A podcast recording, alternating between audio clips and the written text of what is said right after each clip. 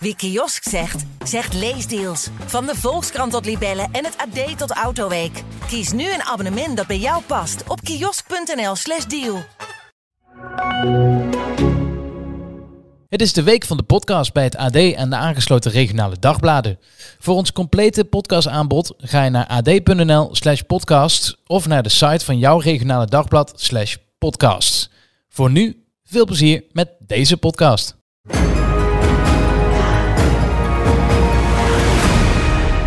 Klein slokje koffie. Je moet wel in het koffieinfuus blijven hangen. Nou, maar dit soort dagen wel. Ja, Ik heb weer, eh, ik weet niet waar jij was, maar ik heb weer ademloos naar kunstrijden zitten kijken. het, eh, Het kunstrijden. dat- ijsdansen. nee, nee, nee. Dit was, eh, dit was korte kuur Oh, voor ja. paarden. Oh, dat is anders er dan wel, ijsdansen, ja. ijsdansen mag je niet springen. Mag dat niet, nee? Nee, is verboden. Dat is echt waar. Maar hier mag je wel springen en je mag niet eh, een lift in het ijs dansen. Dus in veel gevallen dat een man de vrouw optilt, moeten ze ook een keer wat aan doen. Die mag niet hoger, die mag niet boven de schouder uitkomen. Dus het gaat niet om acrobatische en atletische elementen. Het gaat om een gevoel voor de muziek, over eh, uitstraling. Ik ben eens een keer naar de Deense versie van... eh, hoe heet dat programma? Dat je moet dansen samen. Zo, dat je zo'n ballroom dancing en zo. Dat je allemaal verschillende dansen moet doen. Ik kijk heel even naar Marieke. Dancing with the Stars. Dank u. Ja. Ik ben naar de studio gegaan om de Deense eh, versie ervan te kijken. Wild met Dansk. Zo heet het. Mooi. Wild met Dansk. Ja, Dansk, ja. Eh, want Mikael Rasmussen deed toen mee. Zie je het voor je? Nee. Ik ook niet. Dus, dat wil, dus ik... ik Michael Rasmus, eh, bijgenaamd eh, De Kip. Dat is een uh, wielrenner. Kulingen. Wat? Kulingen. Kuling. Ja, dat is kip. Ja. Maar ja, ik moest dat zien. Eh, dus ik ben er toen, toen naartoe geweest. In de studio zat ik dus naast alle dansliefhebbers. Ja, ik dacht, dit, is, dit kan je niet menen, maar het was echt zo. Maar de Rasmus was toch was zo dun en zo eh, nou ja, slap in zijn armen, dat hij met zijn eh, danspartner dat omgekeerde had afgesproken.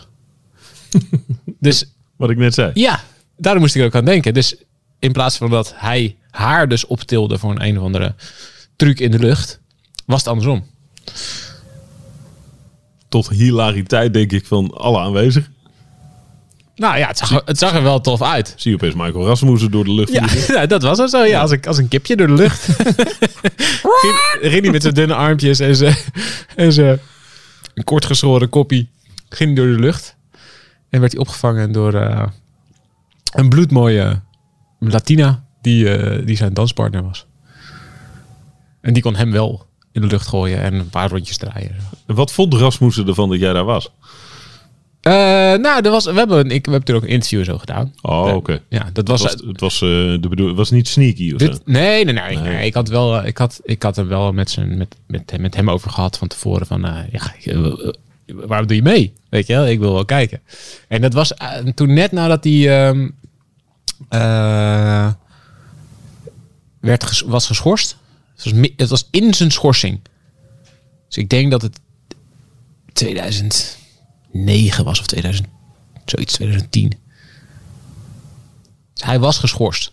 Hij is uit de tour gehaald en nee, het was, hij heeft hij zo allemaal processen gevoerd en weet ik wat allemaal. Dus het was denk ik 2009 dat ja, hij zat echt gewoon midden in zijn schorsing. En voor hem was het bedoeld om zijn, eh, om zijn eh, imago weer een beetje op te vijzelen. Oh ja? Ja. Ja. Zou het gewerkt hebben, denk je? Nou, in Denemarken heeft, heeft hij wel. Er waren wel heel veel mensen die dat leuk vonden. Die dat En sympathiek vonden Ja. dat hij dat deed. Ja. Ja, Is, een aardige man eigenlijk? Ehm, Los van zijn frustratie over alles wat er gebeurd is. Wat je in elke zin wat over wielrennen gaat terug hoort en leest. Nou, het is zeker geen onaardige. Hij heeft natuurlijk wel, het is wel een beetje een half autist, denk ik. Eh, ja, dat bedoel ik niet vervelend eh, tegen autisten, maar ik denk dat hij heel hele autistische eh, trekjes heeft. Ja. Ehm, omdat hij denkt dat heel veel dingen om hem draaien. eh, is hij ook denk ik wel een beetje egocentrisch. Maar ja, dat zijn zoveel topsporters. En hij heeft gewoon jarenlang, ja, hij heeft natuurlijk gewoon de boel gigantisch geflasht. En ook toen nog, toen zat hij echt nog in een soort ontkenningsfase. Eh, toen ging het alleen maar om, ik ben ergens geweest waar ik niet was en iedereen wist ervan. Ja, terwijl de olifant in de kamer was toen ook al. Ja, hij heeft gewoon zichzelf helemaal volgesmeten met alle doping die hij kon vinden. dat is pas later gekomen. Dat is pas later gekomen eh, na eh, eh, een aantal publicaties, waaronder die van mezelf.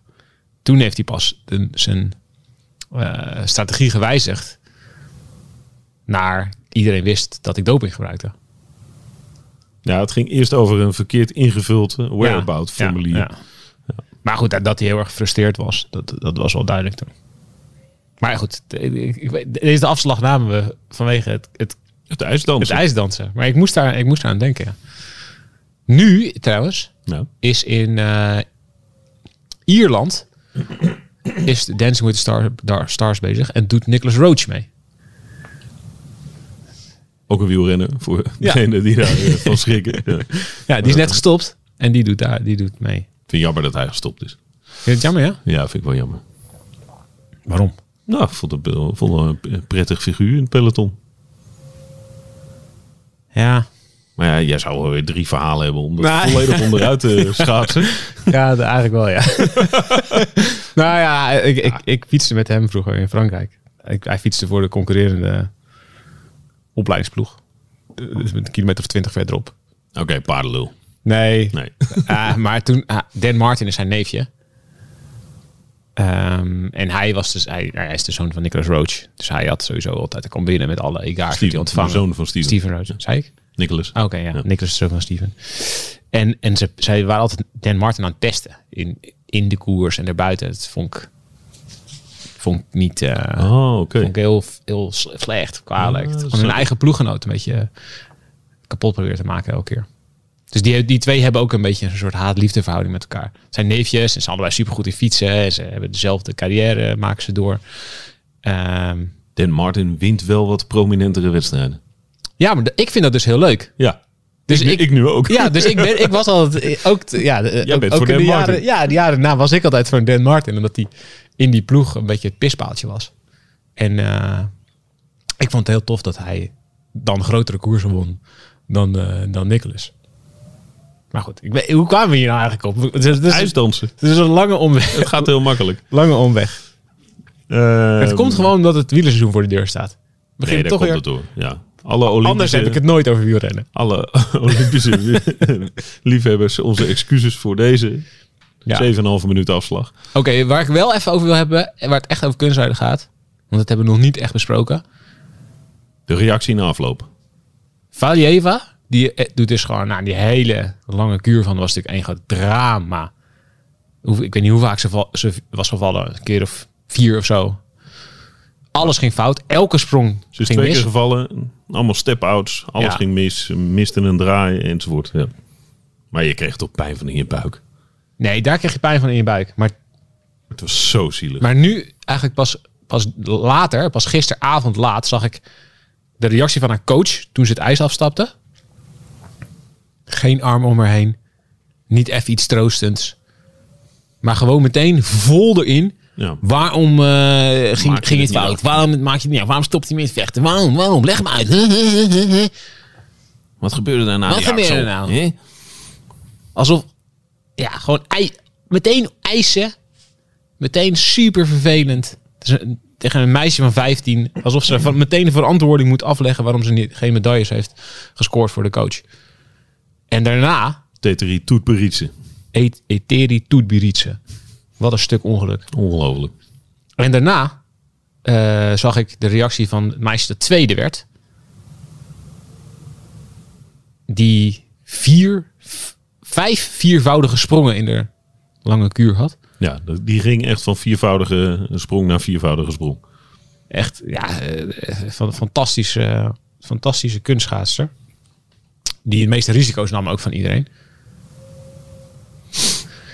Die ehm, is vertrokken bij haar, bij Toet Beritsen. Die is dus opgeleid door Toet. En die zei op een gegeven moment, ja, ik ben er gewoon helemaal klaar mee. ik, ja, dit, dit trek ik gewoon niet meer. Die werd voor de zoveelste keer, mocht ze niet eten. En eh, ik zag een, zat een filmpje terug te kijken dat er gehaktballen werden afgepakt tijdens de lunch. En weet ik veel, allemaal dat soort dingen. Dus die is weggegaan. En nou, die zit nu half wel, half niet Nou, bij, bij die club. voor de Spelen wel weer teruggekomen. Ja, nou, anders kom je volgens mij niet op de Spelen als je niet bij Toet Beritse zit. Want die heeft gewoon, dus grote baas. En die doet dus nou vijf van die prachtige risicovolle sprongen. Die won niet. En die stond na afloop, die was meteen gewoon helemaal in tranen en helemaal kapot. Dus die riep gewoon, nou ja, gewoon voor het oog van alle camera's. Ik ga nooit meer schaatsen. En ik haat deze sport. En ik haat jou. En ja, ook op de persconferentie na afloop was gewoon helemaal devastated. En die is 17. Ja, het is verschrikkelijk. Ik vind echt, ik, ik, ja, ik vind een afsminking van, van, van Toet Beritse, van het hele Russische schaatscultuur, maar ook van de sport op zich. Nou ja, dat is het grote probleem natuurlijk. En, en die sport laat het allemaal wel gebeuren ook. Ja, ik, het is gewoon kindermishandeling. Want als jij en ik eh, eh, zoveel van, van kunnen weten, dan weet iedereen binnen die sport, internationale bond, IOC, die weten er allemaal hartstikke veel van. Van de tien finalisten van vier jaar terug, van de tien best scorende, moet ik zeggen, zijn er nul over.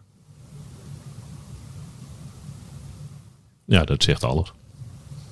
Punt. Maar je kan ze opschrijven nu, eh, Nee, ja, ze, wie, gaan, wie, wie er niet eh, over vier jaar eh, terug te zien ze halen gewoon de twintig niet als, als kunstschaatster.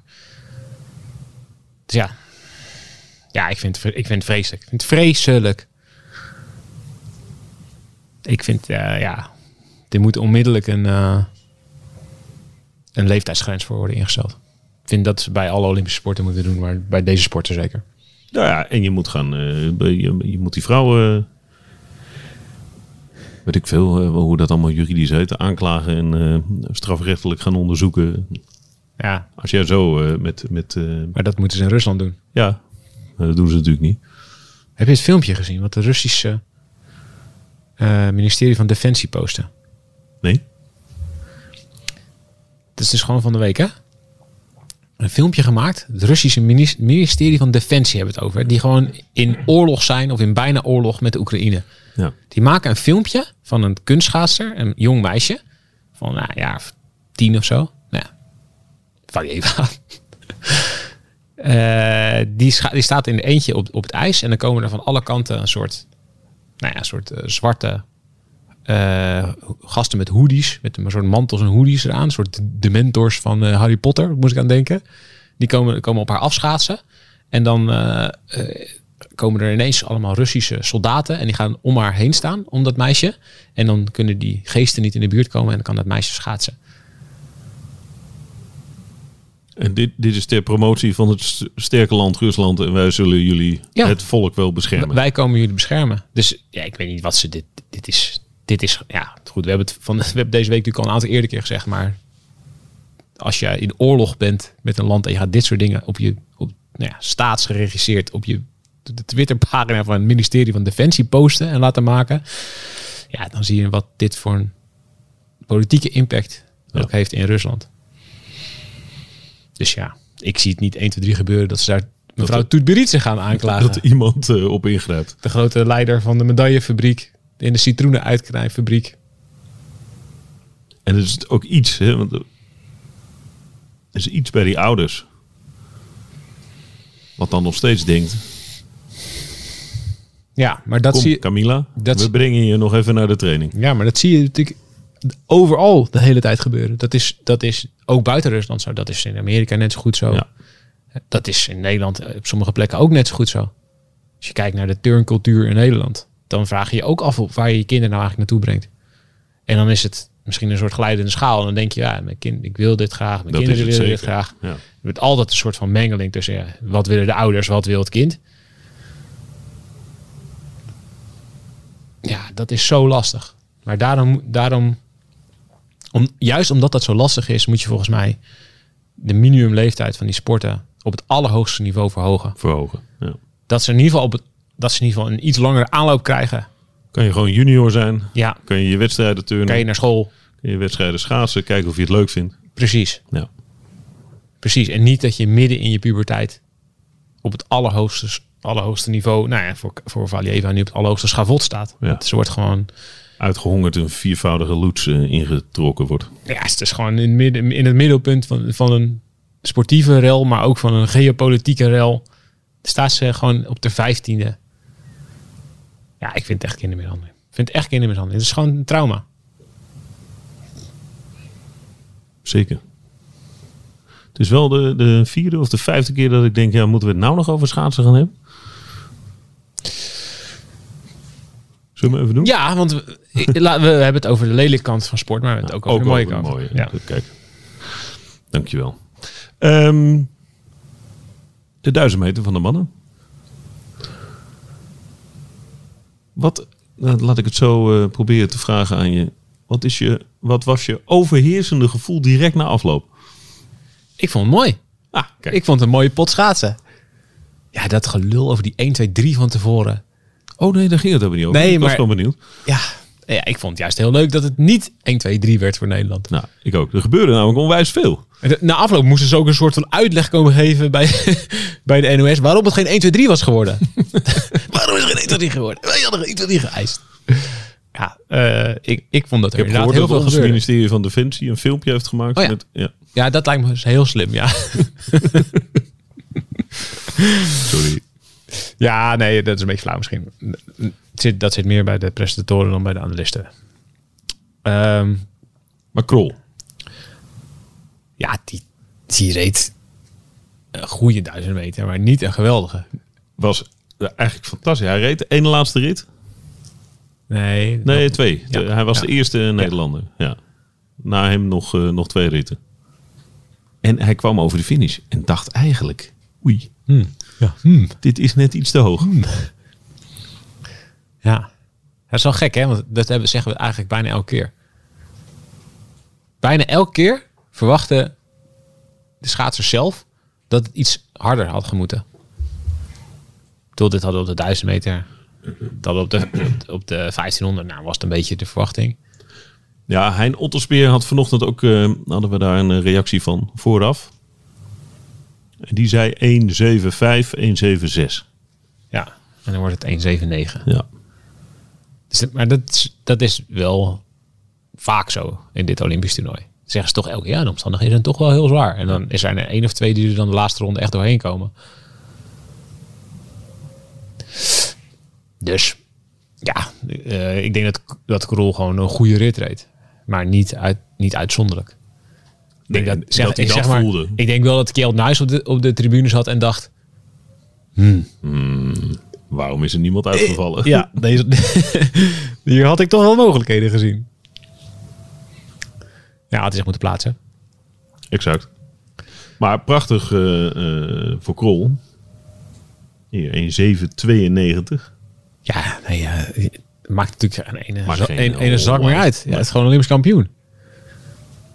Maar ik vond zelf eigenlijk... Ik vond die rit van voorbij, vond ik eigenlijk... Het mooist. Ja, vond ik stiekem dat hoogtepunt. Daar zat het meeste in. Ja. Dat voorbij was op voorhand de meest logische, de grootste concurrent, denk ik, voor Krol. Niet zozeer Otterspeer. Bij Otterspeer moet het wel echt. Het is wel, kloppen, Wel, hij is echt super sterk, maar het is natuurlijk niet super vaak dat het op het aller, aller, in de allerbelangrijkste wedstrijden alles klopt. Nee. Nee, dat, dat, is, dat, is, eh, dat is absoluut waar, ja. Dus voorbij zit dichter tegen Krol. Nou, iets stabieler. Vooraf gezien. Ja. En voorbij die schaats tegen Dubrui. Die echt een straaljager opening heeft. Heeft hij hard op getraind? Hard, joh. je zag het gewoon vanaf, eigenlijk vanaf de eerste bocht zag ik het al misgaan. En voorbij die schaatsen best goed. Nou, zat onder de tijd van Krol. Gek hè? Want nu denken we, oh, dat het een hele mislukte race was dat hij veel te langzaam ging. Maar hij ging echt wel goed. En hij heeft een goede laatste ronde over het algemeen. Ja. Nee, ik, ik- zoals Theo vanochtend zei, ik had het nog moeten zien. Had hij eens eentje doorgeschaatst. Maar toch, hè, even, even gelijk naar die wissel. Want ja, dat, dat was op, het, op, op de kruising, zoals dat zo mooi heet. De afstand voorafgaand aan de bocht naar de kruising toe was groot. Ja, op, de, op de streep bij de bel. Ja, Ja. Die afstand was al groot. Ja. Dus die zag je, zelfs jij en ik, Nee, je, wij, wij riepen, tegen elkaar, oh jee. oh jee, dit kan wel eens fout gaan. En toen kwam hij door die bocht heen. Maar toen maakte hij eigenlijk heel snel de beslissing om zijn benen stil te houden. Ja. Ik denk dat hij er voorbij had gekund. Voorlangs had gekund. Ik denk het ook. En wij werden gestaafd in ons idee, omdat Erwin Wennemars zit op dat punt. Dat heeft hij eh, tijdens het toernooi nu drie keer eh, uitgelegd. En die zei, zo, zijn snelheid lag veel hoger dan die van eh Dubrui. Als je terug, ik heb zitten terugkijken. In de bocht gaan ze nog. Nou, het scheelt, is nog niet heel veel verschil in snelheid. Maar bij het uitkomen van de bocht gaat voorbij twee kilometer harder. Volgens de, Volgens de meting eh, Volgens de onder in meting? beeld. Ja. dan eh Dubrui. Dus zelfs als die staat, als die rechtsop staat, zie je, zie je nog. Ja. Het loopt denk ik ietsje achter. Maar zie je nog een verschil van 2, 2,5 kilometer in het voordeel van voorbij. Dus hij gaat echt wel een stuk harder.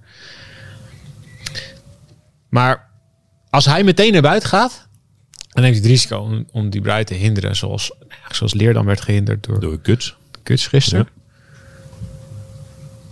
Maar ik ben dus heel benieuwd. En die vraag is eigenlijk niet, niet gesteld. Of die niet ook... Kijk, hij dacht aan, aan Dubrui, dat geloof ik meteen. Hij dacht meteen, oei, ja, ik wil, ik wil niet, niet zijn race ook verprutsen. Wat ik heel respectvol en heel netjes vind. Nou, dit is wel een aanname. hè? Dit, nou ja, goed, dat heeft hij gezegd. Ik ben, Oh, geen, ik ben geen klootzak. Ik wil niet. Ik, Nee, wilde, oké. ik wil niet. Dat zei hij Ga letterlijk. niet zijn race. eh, Ik wil niet zijn, eh, zijn race eh, verprutsen. Ik ben geen klootzak. Dat heeft hij letterlijk gezegd na afloop in een reactie. Maar ik was wel benieuwd of hij niet ook nog aan Krol heeft gedacht. Ja, omdat. Nou ja, kijk, stel, stel dat, hij, dat hij net wel voorlangs kan kruisen. En hij rijdt dus heel hard naar die volgende bocht toe. Op het punt waar Dubrui eigenlijk begint stil te vallen. En Dubrui krijgt de kruising van zijn leven. Om, er, om zo achter voorbij meteen in- mee te gaan in het spoor. En kan die laatste bocht nog met meer energie en meer snelheid aanvallen.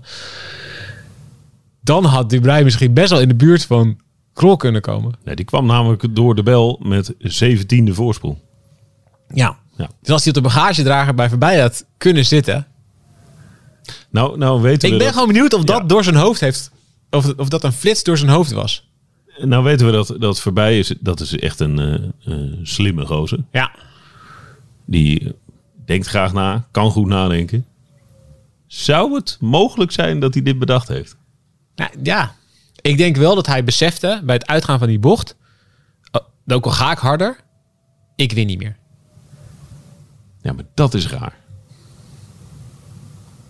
Ja. Dat is echt raar. De, de, de, ik, dat geloof ik niet. Voorbij heeft namelijk echt een hele goede laatste. Ja, maar hij weet wel dat hij die gast, als die meteen in zijn rug zit, die ga je niet. Dat is klaar toch? Die ga je niet meer uit, uit Nee, maar zo ver op achterstand zetten voor, voor die laatste bocht dat het klaar is. Je loopt niet de laatste buitenbocht mee met iemand in de binnenbocht. Nee, maar wat Guts deed bij Leerdam, dat had hij dan iets later Ja, moeten maar doen. Guts want dat- rijdt niet voor. Nee, ben ik voor- je eens. Maar. Guts gaat in één keer naar buiten. Dat bedoel Ja, ja. Dus die gaat, maar die gaat ook echt ver naar buiten. Dus dan heb je eigenlijk, kan je als, als eh Dubrui eigenlijk heel moeilijk achter voorbij aan. Ja, wat Wernemars zei was denk ik was, was, denk ik goed. Had helemaal binnen moeten blijven. Zodat de brui helemaal buiten moeten blijven. En dat hij kunnen kijken, dan ga ik er voorbij. En dan zo min mogelijk draft weggeven. Ja. Ja, dan rij je ook niet de fijne laatste bocht. Want dan kom je dus helemaal van binnen uit in de buitenbocht. Dan snij je hem ook niet goed aan. Nee, maar als je, en dat is gelul van het achteraf, maar als je achteraf mag kiezen tussen of rechtop gaan staan en merken dat je, hé, hey, ik ga toch nog een beetje sneller dan Dubrui. Of een poging wagen om, om het eh, verder op de kruising op te lossen. Ja, maar hier gaat hij nog honderdduizend keer over nadenken natuurlijk. Precies dit. Want hij beslist het. Uiteindelijk beslist hij het in een split second. Ja. En hij gaat erin om Olympisch kampioen te worden. En hij ziet bij het uitkomen van die bocht, ziet hij denk ik dat het om zeep is. Dat hij dat niet meer, hij gaat dat nooit meer goed maken op Dubrui. Dus hij weet eigenlijk bij het ingaan, dus bij het uitkomen van die bocht voor de kruising, weet hij dat hij geen Olympisch goud gaat winnen. En volgens mij is dat wat dit twijfel heel erg versterkt. ja, dat zou ik wel echt willen weten. Wat gaat er allemaal door je heen in die hele En kleine... we- dit moeten we vragen of hij de helderheid van geest heeft gedacht en dat hij eh, ge- heeft gehad om inderdaad die conclusie op die manier te trekken. Dat hij, ik vraag het me af of hij dacht, ik, ik, ik word geen Olympisch kampioen. Ja, ik denk dat dat, ik denk dat, dat meespeelt. Volgens mij ga je all, ben je bereid om all out te gaan en ben je helemaal gefocust op. Ja, er zijn genoeg duizend meter voorbeelden dat de eh, laatste buitenbocht, dat je die mee kan lopen. Nou, Omdat je meer snelheid hebt. En z- zakte echt in. ja, maar je loopt er nooit helemaal mee. Je, je- dat- Nee, maar als het is, de afstand is zoveel groter door de buitenbocht. Als Dubrui een matige bocht rijdt. Ja, Oké, we hebben gewoon antwoord nodig van, eh Ja, dit is wel- eh, Kai voorbij zelf. ja. Dat zal dan morgen zijn, want ik denk dat hij nu denkt eh, Ja, maar ik denk dat hij zelf ook voor zichzelf even tijd nodig heeft om. Soms om het op doe, doe je ook krijgen. dingen Ja. niet zo bewust als wij. Het is niet dat hij even in een podcast even, even, even de tijd kan stil, hebben, stil, stilzetten en even rustig kan praten zoals wij nu in de podcast zitten te Even praten. kijken. Dubrui, ben je stuk? Ja. Even Even analyseren hoe hard die gaat, hoeveel Nee. afstand is er nog. Kan ik dit? Nee, het is een intuïtie- intuïtieve eh, beslissing. Maar er wordt mij ook, en dat, dat wil ik dan ook wel aan hem vragen. We moeten, moeten echt zorgen dat we hem spreken. Ik wil ook aan hem vragen, er wordt hem heel snel ehm, toegeschoven van het is zo'n eh, sympathieke, aardige jongen. Ehm, Mhm. En dat zegt hij zelf dan ook. Hè. Ik wil geen klootzak zijn. Vind ik ook een beetje te makkelijk. Een beetje te makkelijk. Ja. Het is ook gewoon een topsporter. Het is ook wat jij zegt. Hij gaat er ook gewoon in om Olympisch kampioen te worden. Hij wist dat hij een kans had. Hij schrok ook niet van die tijd, denk ik. Nee. Dus dat is. Maar ja, We gaan, we gaan het even. We gaan eventjes we gaan hem opsporen even en vragen of hij. diep, dieper op de materie in. We gaan even, even, een nachtje om over na te denken. En dan gaan we even kijken wat hij, wat hij er zelf achteraf ook van vindt. Uitstekend. Want Vind ik een goed plan. hij had dus ook Krol kunnen doen laten verliezen. Zijn ploeggenoot. Ja, dat, maar dat is ook nog een super interessante gedachte. Daarom. Maar goed, nu denk ik misschien weer te veel zijn wielrenner. Ja, dat zou kunnen. Niet het gat dichtrijden. de- Dus een beetje alsof je het gat dichtrijdt op een ploeggenoot. Ja. Misschien heeft hij al heel vaak omloop het nieuwsblad gekeken. Stenner tegen die vier quicksteps. Drie quicksteps.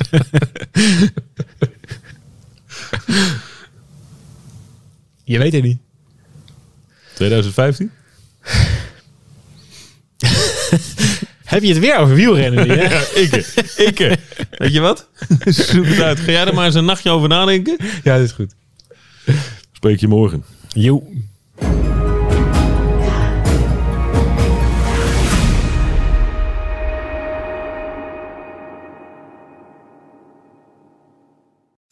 We worden dagelijks overladen met overbodige informatie. En het is moeilijk de zin van de onzin te scheiden. Daarom vertrouw ik op echte journalisten in plaats van meningen.